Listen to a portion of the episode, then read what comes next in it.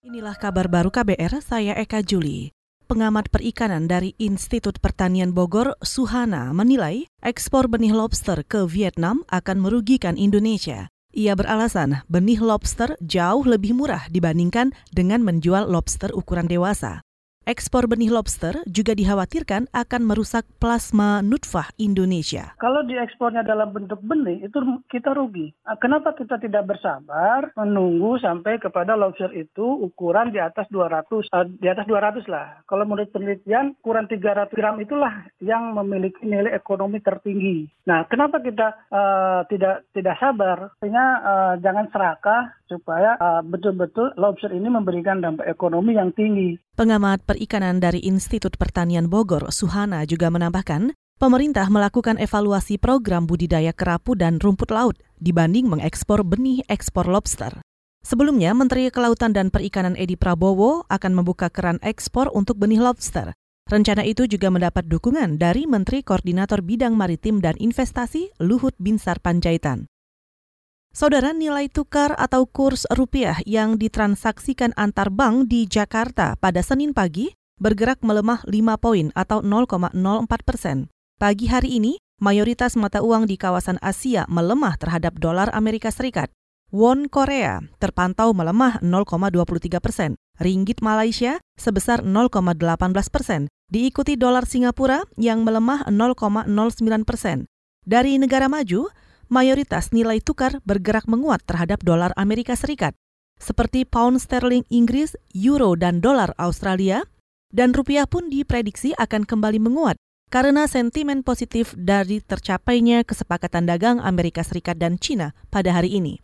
Sebelumnya dikabarkan sinyal kesepakatan dagang sudah dilakukan pihak Amerika Serikat dan China pada Jumat lalu. Kedua negara itu disebut dalam proses untuk membuat draft perjanjian. Lembaga Bantuan Hukum atau LBH menganggap kebebasan berekspresi dan berpendapat di Kota Bandung belum merdeka.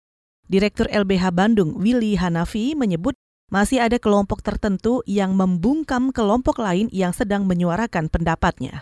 Juga bahwa orang kan bebas berekspresi, ya. negara juga harus melindungi orang-orang yang e, menyampaikan ekspresinya, begitu ya. Itu harus dilindungi oleh negara. Kalau ada kekerasan terhadap satu komunitas, satu kelompok oleh kelompok lain, harusnya negara hadir di situ untuk melindungi supaya masing-masing kelompok itu tidak melakukan kekerasan terhadap kelompok yang lain. Direktur LBH Bandung Willy Hanafi mencontohkan kasus penggusuran rumah di Taman Sari Bandung yang berakhir rusuh.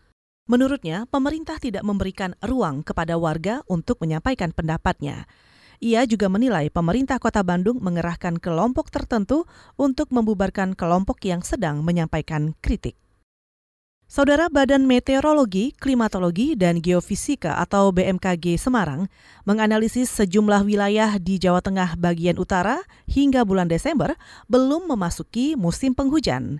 Kepala Kasih Data dan Informasi BMKG Semarang, Iis Widiatmoko mengungkapkan, daerah pesisir Jawa Tengah akan turun hujan di akhir Desember mendatang. Yang belum masuk musim hujan ya, itu kayak di mungkin di daerah yang bagian selatan, terus di daerah mungkin di daerah Pantura bagian barat, daerah-daerah hmm. Kepala Kasih Data dan Informasi BMKG Semarang Iis Widiatmoko juga menambahkan, Mundurnya hujan di sejumlah daerah di Jawa Tengah diakibatkan dari angin muson timur dari benua Australia yang menghambat pembentukan awan.